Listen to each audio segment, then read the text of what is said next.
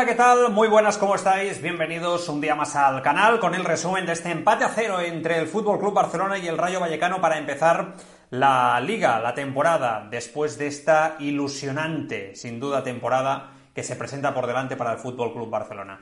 Bueno, vamos por partes, porque yo creo que hay muchas conclusiones que sacar y seguramente un poco las sensaciones en el entorno Barça un poco de que, bueno, pues no sé si decir bajonazo, ¿no? O que la ilusión ¿eh? por este primer partido quizás se ha desvanecido un poquito, seguramente exageradamente, ¿no? Pero es verdad que no ha sido seguramente el resultado que se esperaba. Para empezar, lo primero, la entrada del público, no me quiero olvidar de ello, porque yo creo que, oye, 81.000 personas en pleno mes de agosto de vacaciones en el Camp Nou demuestran que se ha recuperado la ilusión. En el momento que haces una apuesta tan clara, ¿no?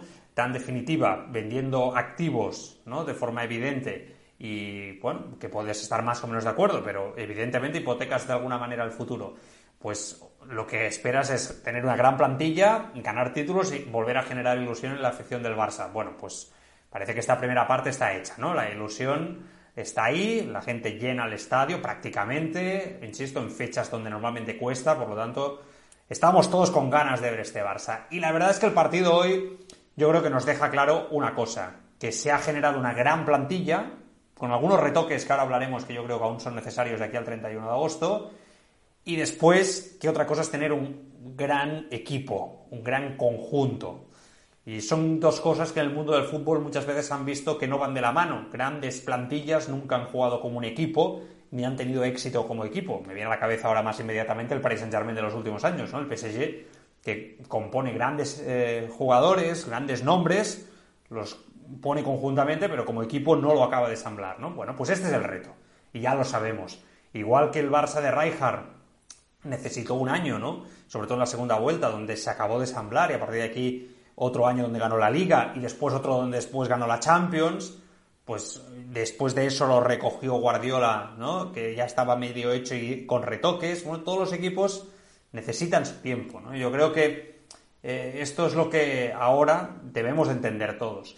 Yo he visto al equipo con muchas ganas, de verdad. Yo creo que a nivel de actitud ahí nadie puede dudar. Y lo digo porque es que acabamos la temporada aquí en este mismo canal hablando, lo recordaremos todos, de que había falta de actitud en algunos futbolistas, una apatía horrorosa, impropia de los profesionales que visten la camiseta del Barça y el propio Xavi diciéndolo también un poquito, ¿no? Diciendo que, que los jugadores mentalmente estaban desconectados, algo que, bueno, entendimos todos después de una temporada tan dura como la pasada, ¿no? Que, bueno, yo para mí no es justificable, pero bueno, que formaba parte un poco de la situación ya complicadísima, difícil, eh, de apatía colectiva en el propio club, ¿no? Por, por toda la herencia generada, por la situación económica, etcétera, pero ahora eso, bueno, pues yo creo que ya no está ahí. Yo creo que es una buena noticia ver que van a todas.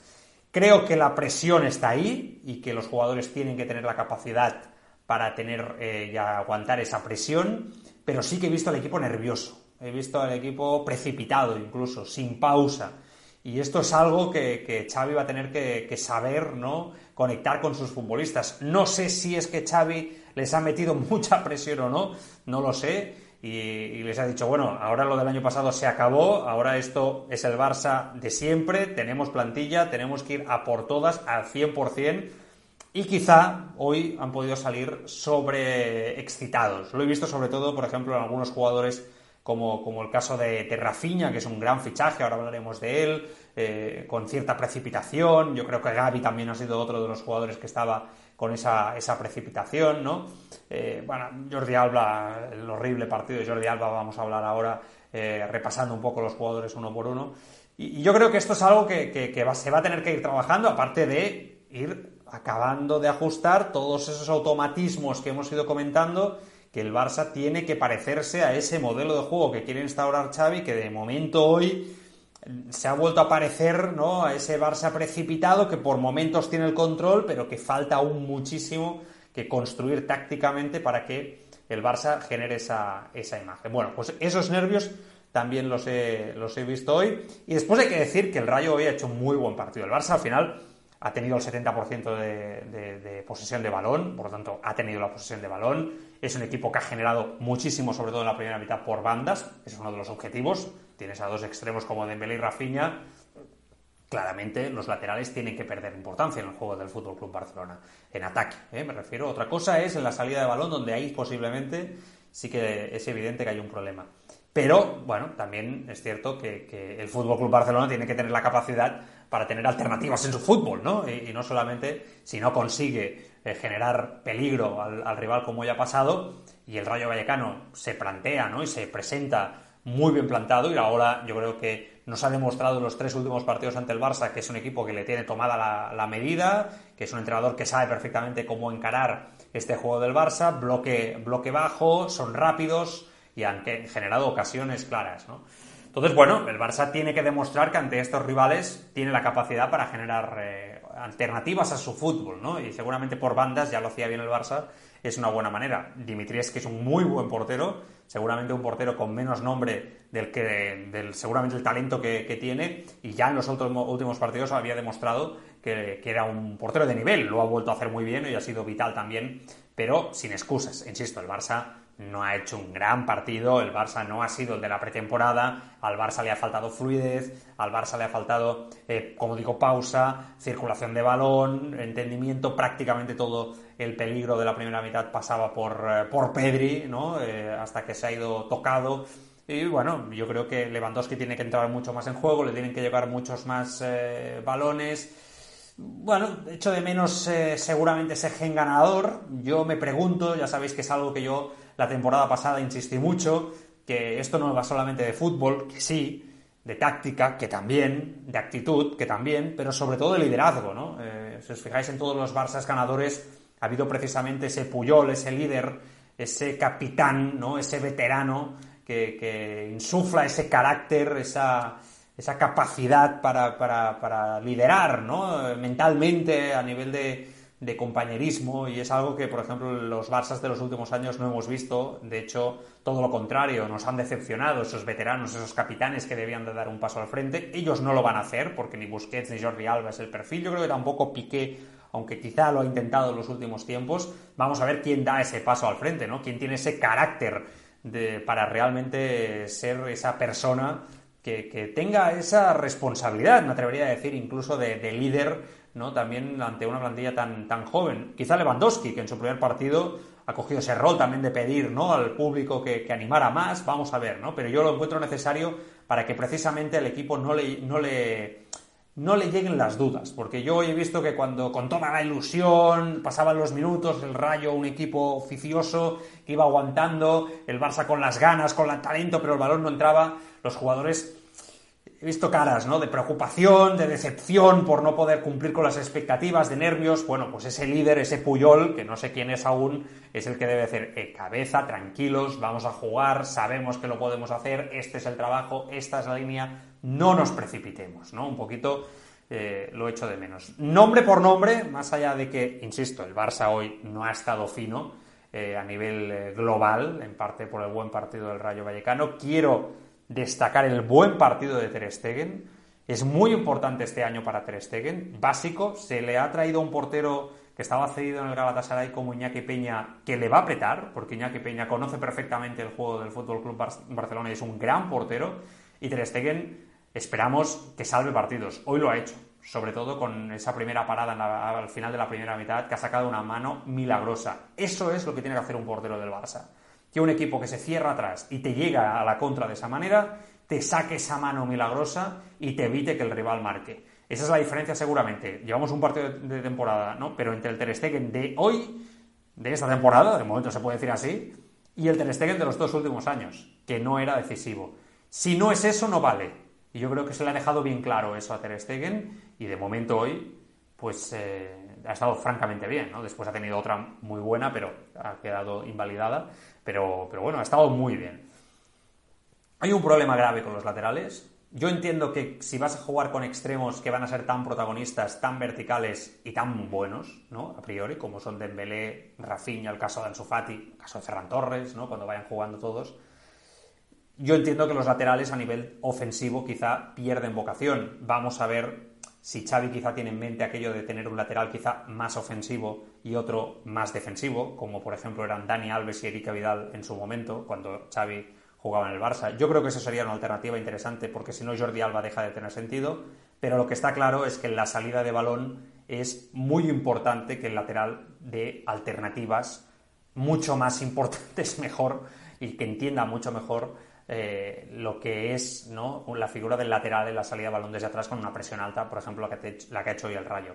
Porque es que si no el Barça está muerto. Quedan 15 días de mercado, yo creo que este tema del lateral se tiene que solucionar de forma importante. Una, el lateral derecho Araujo es una alternativa que, por, por ejemplo, como defensa marcador es un gran jugador que no desentona, pero es mejor central que lateral, yo creo que esto no hay que olvidarlo.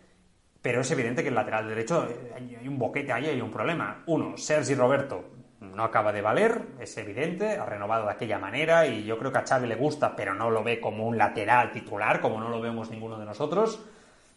El tema de es, creo que está sentenciado, hoy se ha quedado fuera de la convocatoria y Xavi no se lo cree. Ya sabéis que a mí es un lateral que personalmente no me desagrada, está verde, pero que el no de Azpilicueta abre un problema ahí grave, e importante. Yo no sé si Héctor Bellerín, que se ha hablado, es la solución, porque sí que es verdad que en defensa es un jugador que también es flojo, pero, pero vamos, que quizá en la salida de balón interpreta mucho ese juego. Ese juego que Jordi Alba, años después, todo lo que te ofrece en ataque, que ahora hoy tampoco, continúa teniendo problemas para, eh, para ofrecerse en esa salida de balón y sobre todo en defensa. Jordi Alba ha hecho una pretemporada muy mala y hoy ha sido una continuidad de esa pretemporada. Entiendo que Jordi Alba hoy en día es mejor lateral que Valde. Mm, diría que es mejor lateral que, Marcos Alonso también, por lo que sobre todo te dan ataque. Seguramente, si no es el mejor lateral del mundo izquierdo en ataque, está en el top 5. ¿eh? Pongámoslo ahí cada uno a gusto personal. Y, es verdad que desespera ver que en defensa tiene esa actitud. Físicamente está, ha hecho una pretemporada, como digo, muy mala y ha sido el peor del equipo y sinceramente no merece ser titular. Valde ha hecho una muy buena pretemporada. Ya sé que quizá está un poco verde, pero yo sinceramente creo que el chaval merece la oportunidad. Lo que el Barça no se puede permitir es que haya jugadores a estas alturas y con esta nueva etapa que jueguen simplemente por nombre.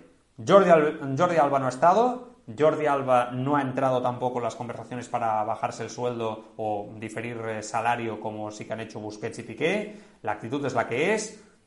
Mm, suplente. O sea, se tiene que atrever Xavi con estos jugadores.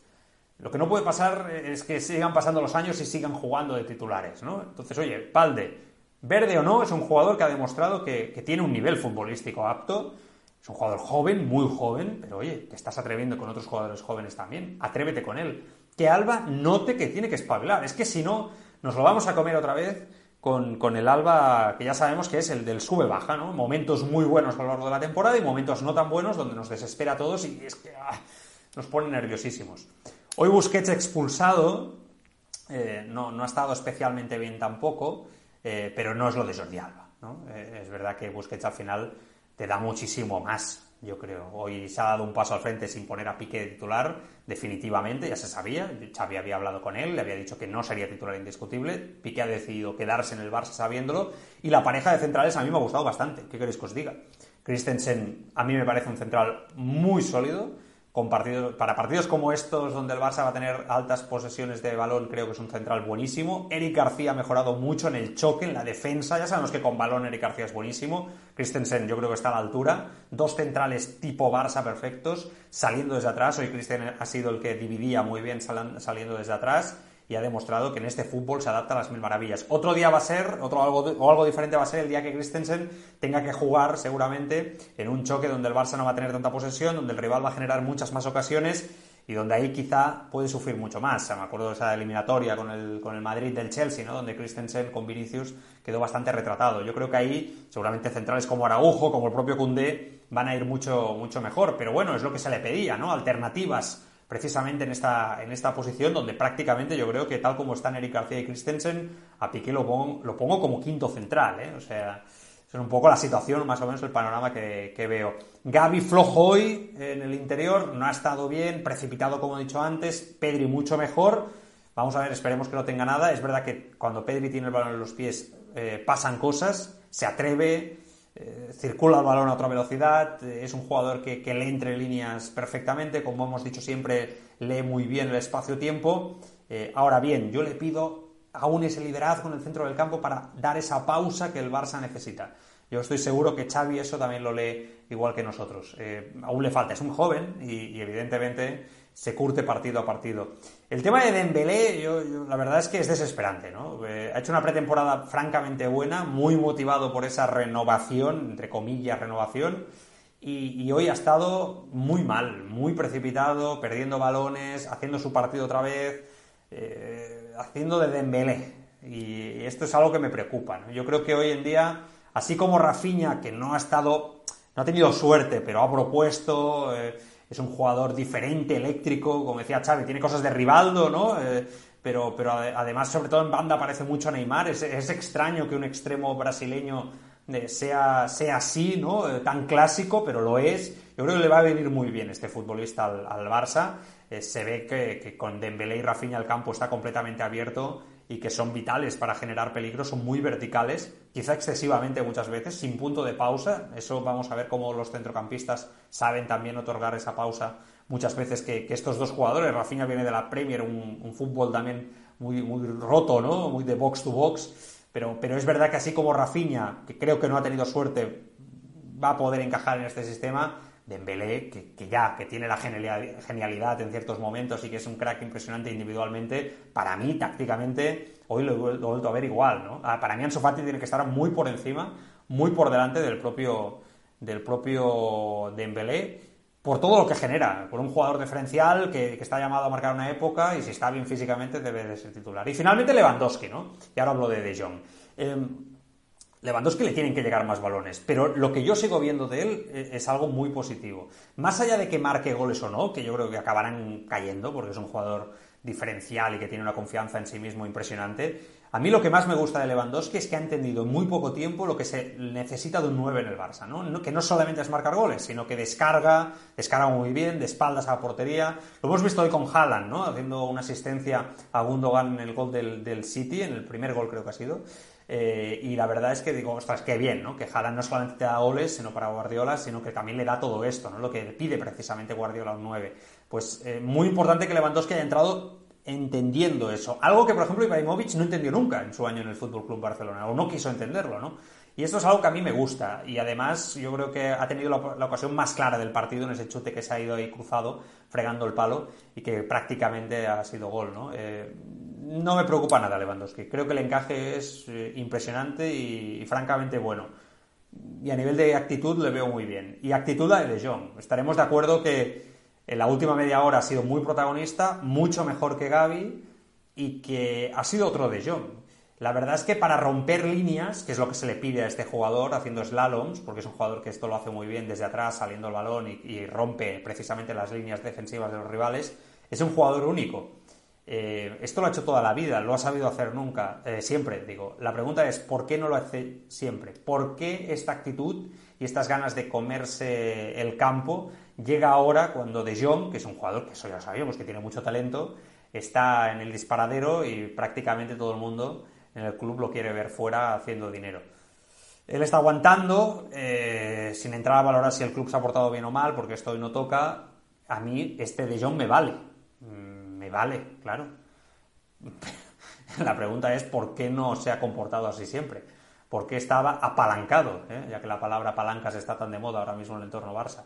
Bueno, pues un poco esto es lo que yo me pregunto, ¿no? Eh, creo que se va a quedar, creo que Bernardo Silva seguramente no va a llegar por De Jong, aunque ya vamos a ver qué pasa, porque yo creo que en estos próximos 15 días, aparte del tema de los laterales, que creo que el Barça se va a centrar muchísimo ahí, se va a abordar el tema Bernardo Silva. Pero bueno, De Jong jugando así, yo creo que todos estaremos de acuerdo que, vale, ¿no? Que es un jugador completamente diferencial. Pero me llama la atención, sinceramente, ¿no? Que, cuando se ha visto en la picota es cuando ha reaccionado. Y a mí me gustan los jugadores que son profesionales siempre y que se dejan la vida siempre. Bueno, en definitiva, calma, paciencia. Eh, es verdad que queda mucho trabajo por hacer. Roma no se hizo en un día, pero que los mimbres están ahí. Por lo tanto, vamos a tener paciencia. Os leo todos en los comentarios. Cuidaros mucho. Adiós.